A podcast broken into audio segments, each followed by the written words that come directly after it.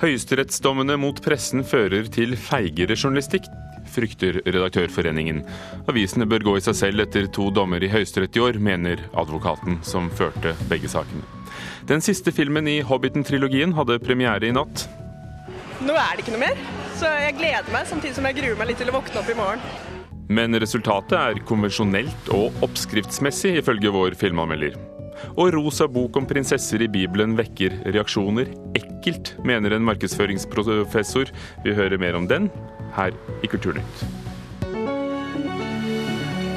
I Nyhetsmorgen i NRK. I går ble avisa Nordland dømt til å betale 400 000 kroner i oppreisning til en kirurg i det som ble kalt sykehusskandalen i Bodø. Dermed har pressen tapt to saker om ærekrenkelser i Høyesterett på ett år. Tidligere i år tapte Dagbladet mot ambulansesjåfør Erik Skjenken.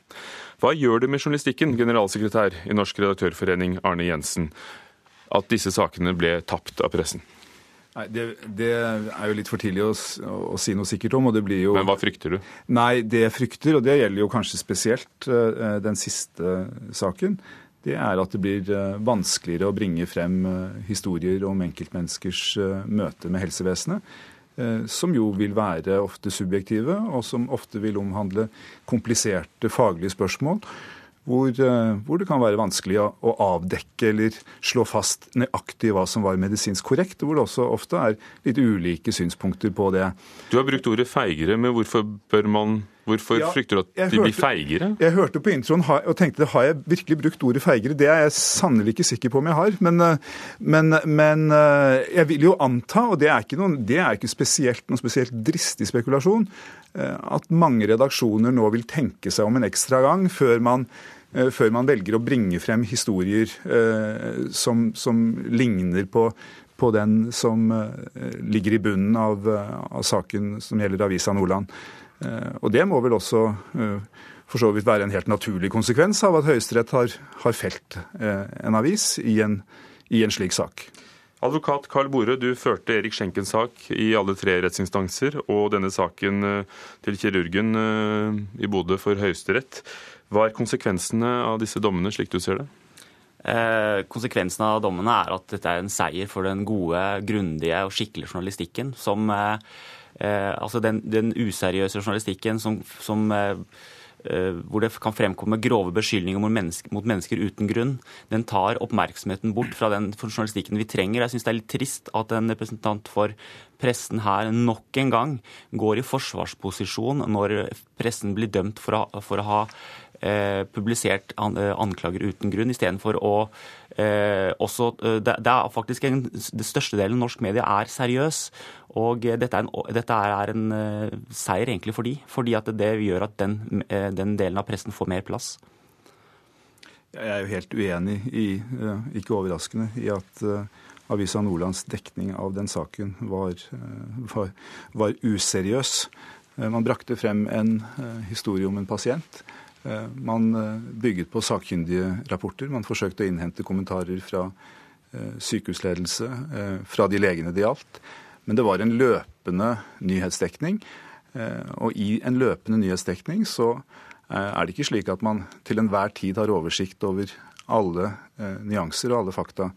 Men, jeg syns i... nok Høyesteretts kjennelse bærer litt preg av at man sitter i, i ettertid, og i ganske lang tid etterpå, og vurderer Eh, en sak, heller enn å forsøke å ta situasjonen på publiseringstidspunktet. Der syns jeg Høyesterett har vært veldig, eh, veldig strenge. I tilfelle Avisa Nordland så la Høyesterett vekt på at avisen satt på opplysninger som ikke kom frem i publiseringen. Og er ikke det uredelig? Ja, Da antar jeg at man, eh, at man sikter, til, sikter, til, erklæringen fra den kirurgen som opererte. Den Eh, hans, hans skriv til Helsetilsynet. Det har jeg lest. Det er, det er, relativt komplisert, eh, for å si det forsiktig. Og jeg blir litt urolig hvis man forventer at eh, journalister i allmenne nyhetsredaksjoner skal, skal ha orden på, på hode og hale på bukspyttkjertler for å kunne formidle historier om hvordan folk opplever møtet med, med norsk helsevesen. Hva tenker du om dommen som falt i går? Altså, jeg er helt uenig i det som blir sagt og den måten å fremstille dommen på.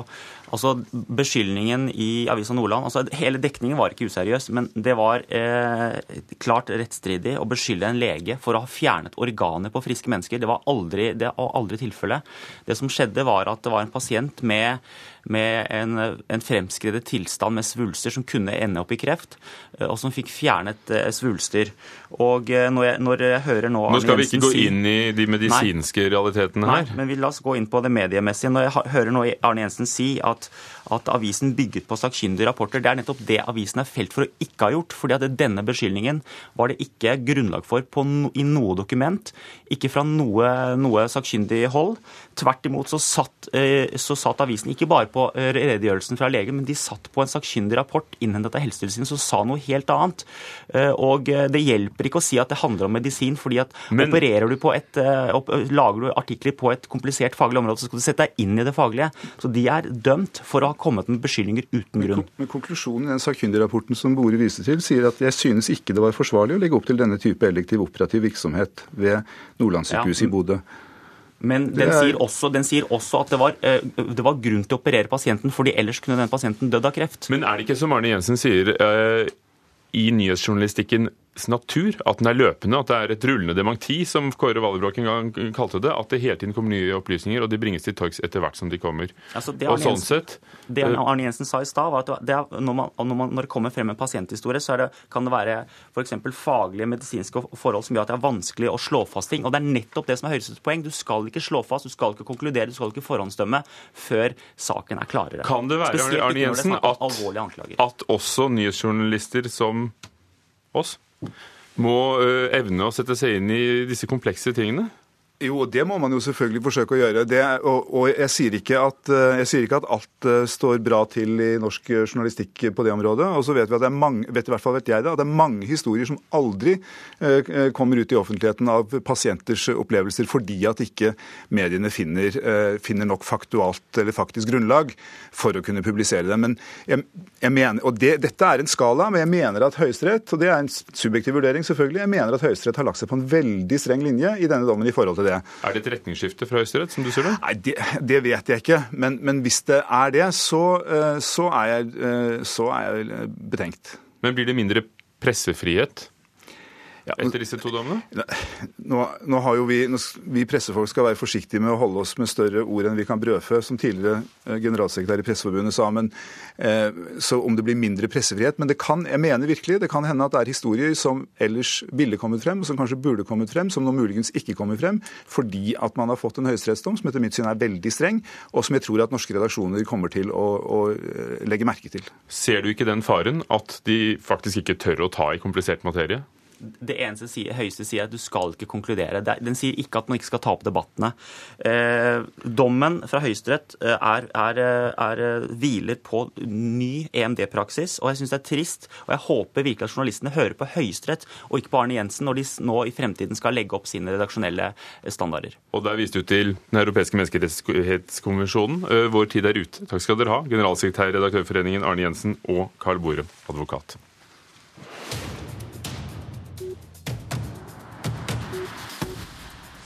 Liv Ullmann tildeles æresprisen under Göteborg filmfestival neste år. Hun er blant den nordiske filmhistoriens aller mest fremtredende personer. Som skuespiller og regissør skriver festivalen i en pressemelding.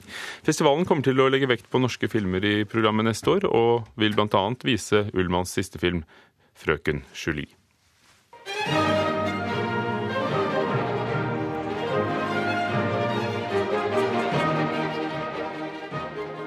Den danske kulturministeren legger ned Danmark Radios underholdningsorkester. Kammerorkesteret er bl.a. kjent for å ha spilt inn alle Mozarts symfonier, som her, og legges ned til tross for at et flertall i Folketinget stemte for at orkesteret burde bevares.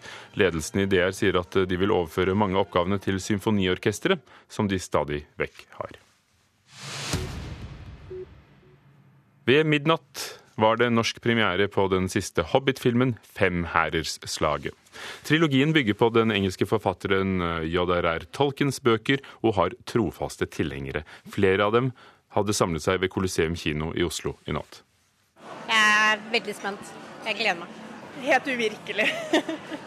Det er liksom siste filmen, så nå, nå er det ikke noe mer.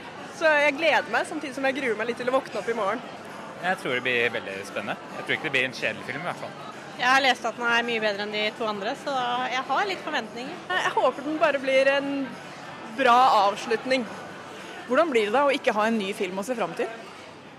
Helt forferdelig. Det blir veldig rart. Det er veldig veldig trist, fordi at uh, første gang jeg begynte å se på 'Ringenes herre', var jeg 16 år. Så ja, nå er jeg 27. Så det er veldig vemodig. Og reporter var Rune Marvik Hagen. 'Hobbiten', femherreslaget, er som sine forgjengere altså lansert med nattpremiere og høye forventninger, som vi hørte. Vår anmelder Einar Gullvåg Staalesen synes det filmatiske er konvensjonelt, det digitale overforbrukt, og handlingen virker som en reproduksjon. Come on! Quickly, quickly!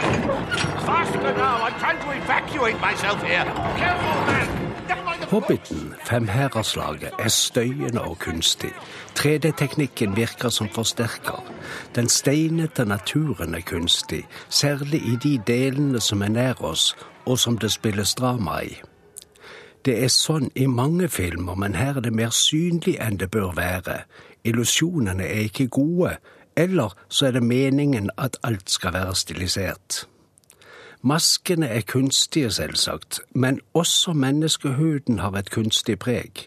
Sminken flater ut naturlig mime. Lyset er kunstig, med mørk, gammelbrun fargetone, og spillestilen er tilgjort. Den er overtydelig, skuespillerne hemmet av at de må tilpasse seg den svære teknikken. Hovedrollene spilles av de som tidligere har lagt ansikt til rollefigurene. It is your king's command. I ride north. Will you come with me? To where? To Gundabad. Så er Kate Blanchett med i et minutt eller så, slik at man kan bruke navnet hennes som nummer tre på listen etter Ian McKellen og Martin Freeman.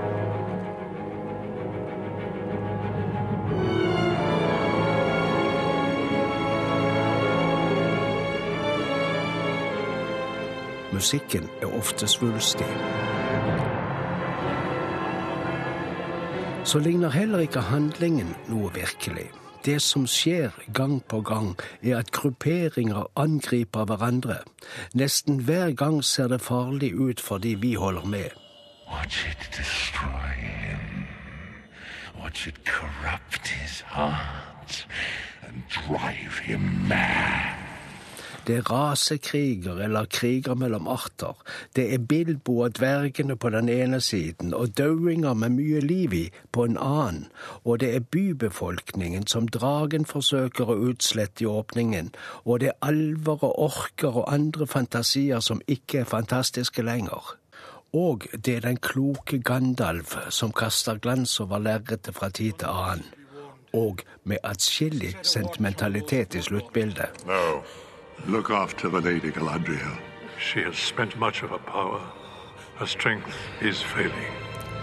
For meg er ikke eventyret eventyrlig. Selv om handlingsgangen er annerledes denne tredje gangen, gir designen og filmuttrykket en følelse av reproduksjon. Det filmatiske er konvensjonelt. Tyngdekraften er opphevet. Det er gammelt virkemiddel, det også. Det er flittig bruk av digi-action. Det har vi også sett mer av enn noe annet. Og ingenting går inn på oss. Hobbit-menigheten opplever selvsagt alt dette ganske annerledes. Det er også som det bruker å være. Sa Einar Gullvåg Staalesen om Hobbiten, Femherrerslaget. Klokken er 17 minutter over åtte. Du hører på Nyhetsmorgen i NRK. Vi er en trussel mot mennesker som undertrykker barn. Det er derfor de forsøker å drepe oss, sier fredsprisvinnerne. Tilsyn med pelsdyrnæringen det siste året har avdekket dobbelt så mange brudd på lov om dyrehold som i 2011. Ikke opplagt at denne forfatteren skulle bli en nobelprisvinner, sier anmelderen vår om Patrick Modiano, som får nettopp nobelprisen i Stockholm i dag. Mens salget av FM-radioer stuper, er det stor interesse for å kjøpe ny DAB-radio. De første ti månedene i år økte salget av digitalradio til husholdningene med 38% sammenlignet med samme periode i fjor.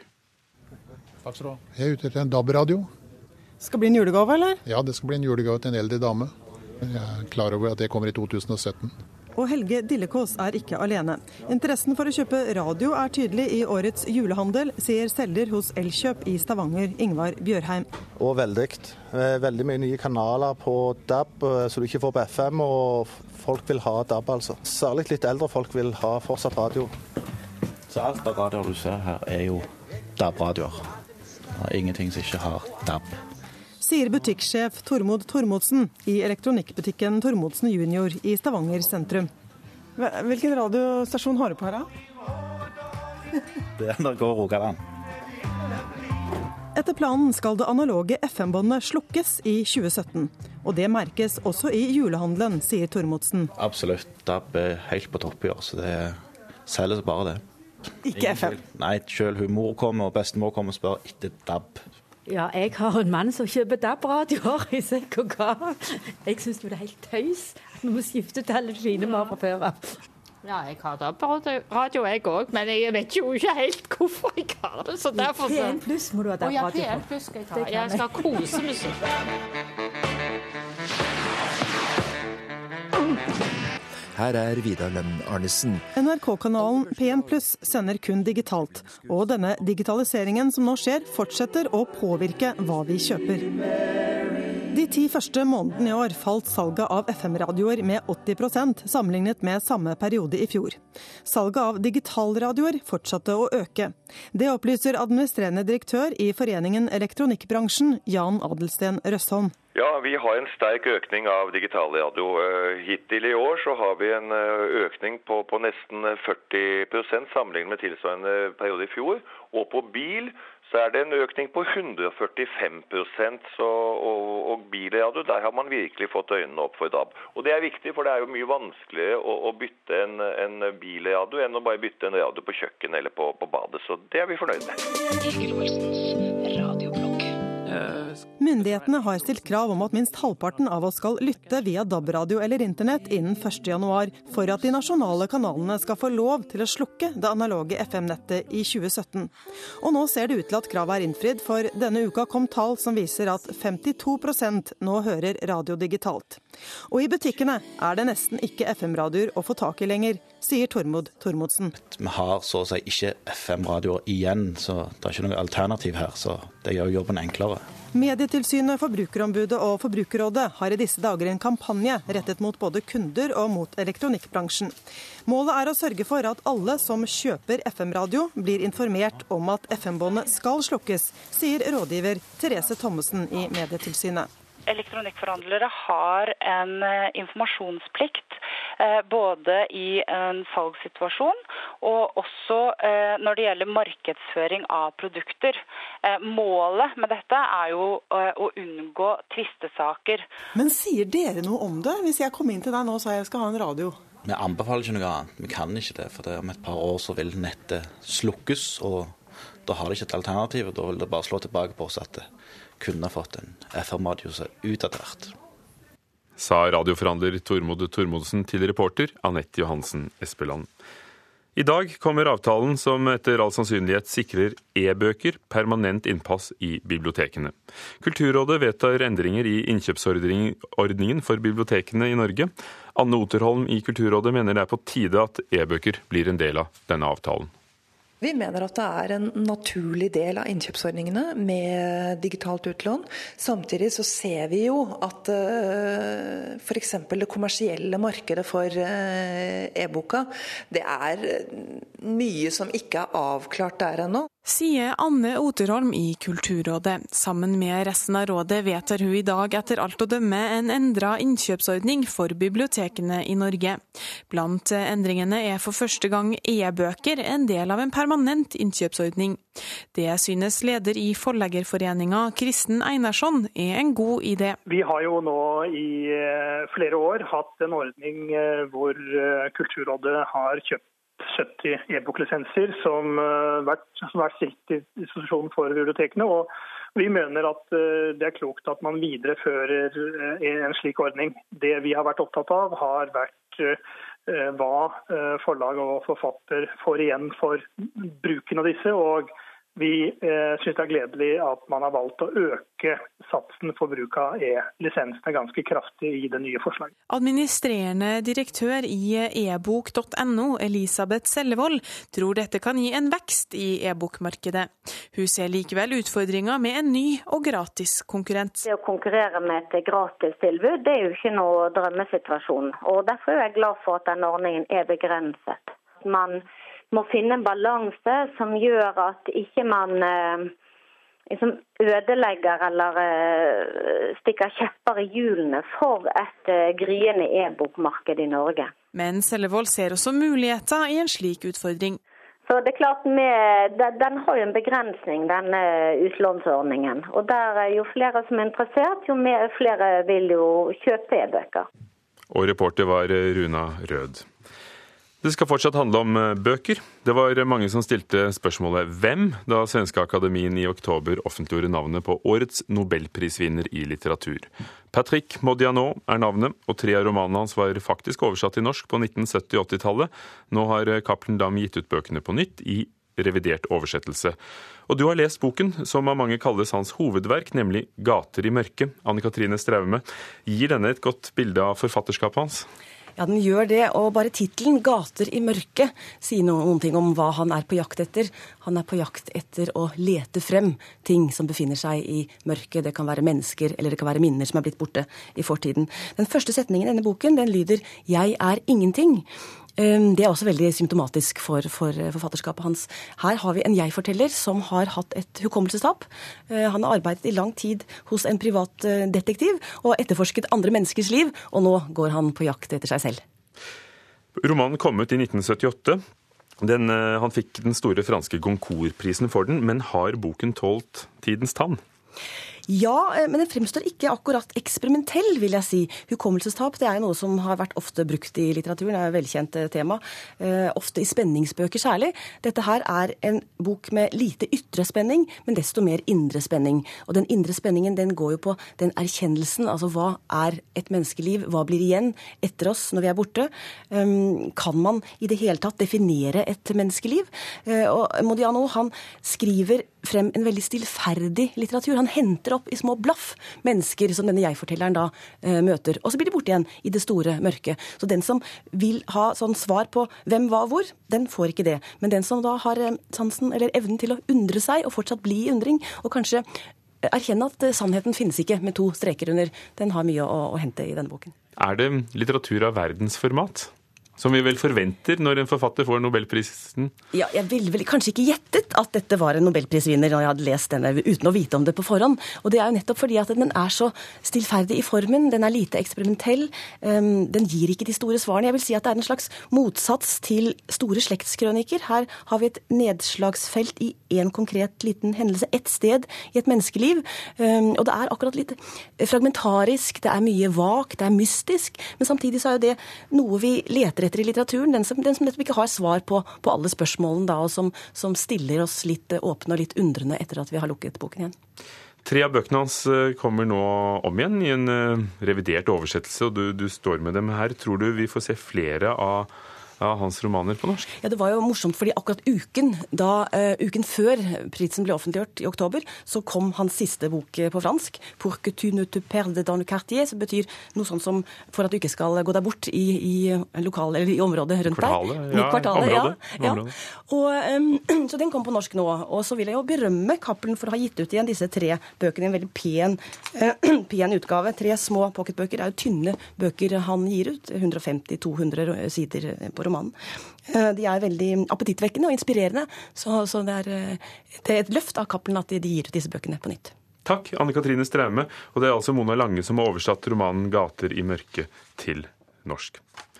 En barnebok med tittelen 'Prinsesser i Bibelen' vekker reaksjoner. Boken fra forlaget Hermon har rosa omslag og er ment for det forlaget kaller barn i prinsessealderen, som vil bli kjent med bibelhistorier gjennom prinsessenes øyne. Ikke noe for mine barn, sier en sogneprest.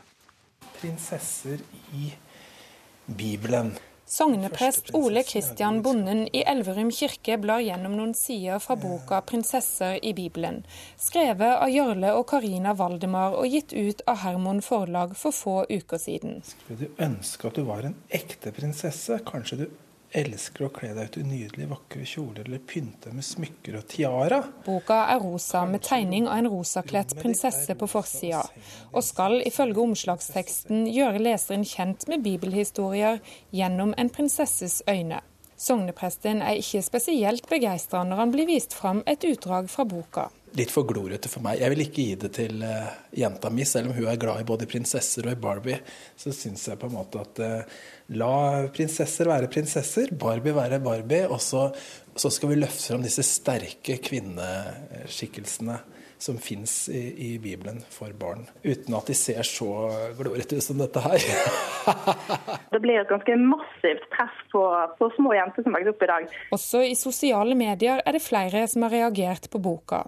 Unn Cato-datter Fyllingsnes har selv ei lita datter, og likte ikke det hun fikk se. Jeg ser jo at de til og med har skrevet at denne boka er for barn i prinsessealder, ca. tre til ti år. Det er jo et ganske stort spenn å gå rundt som en rosa prinsesse, syns jeg. da. Det er jo bare et tilbud av mange. Forlagssjef Svein Andersen i Hermon Forlag er helt enig i at fortellingene er gode nok som de er, og at de ikke trenger å pakkes inn i prinsesseformat. Men det gir et eh ekstra leselyst, i hvert fall ser vi hos, eh, hjemme hos meg og mine små jenter. Så dette er blitt veldig populært. Her er det bare et ekstra tilbud, og, det er jo ikke barna som eh, kjøper barnebibler. Det er mor og far og bestemor og bestefar. Og da får vi se da over jul om de har eh, syntes at dette var en god idé eller ikke. Og hvordan bøkene ser ut kan vi se og bedømme selv på nrk.no kultur, hvor det ligger bilde av dem. Reporter var Miriam Grov. I Kulturnytt har vi hørt at norske redaktører frykter at pressen vil bli mer forsiktige etter dommen mot avisa Nordland i går, mens advokaten til eh, kirurgen som vant frem, sier at det vil gjøre at pressen blir skikkeligere. Lars Tronsmoen var teknisk ansvarlig, Thomas Alvarstein Ove produsent, og programleder for Kulturnytt, Hugo Fermariello.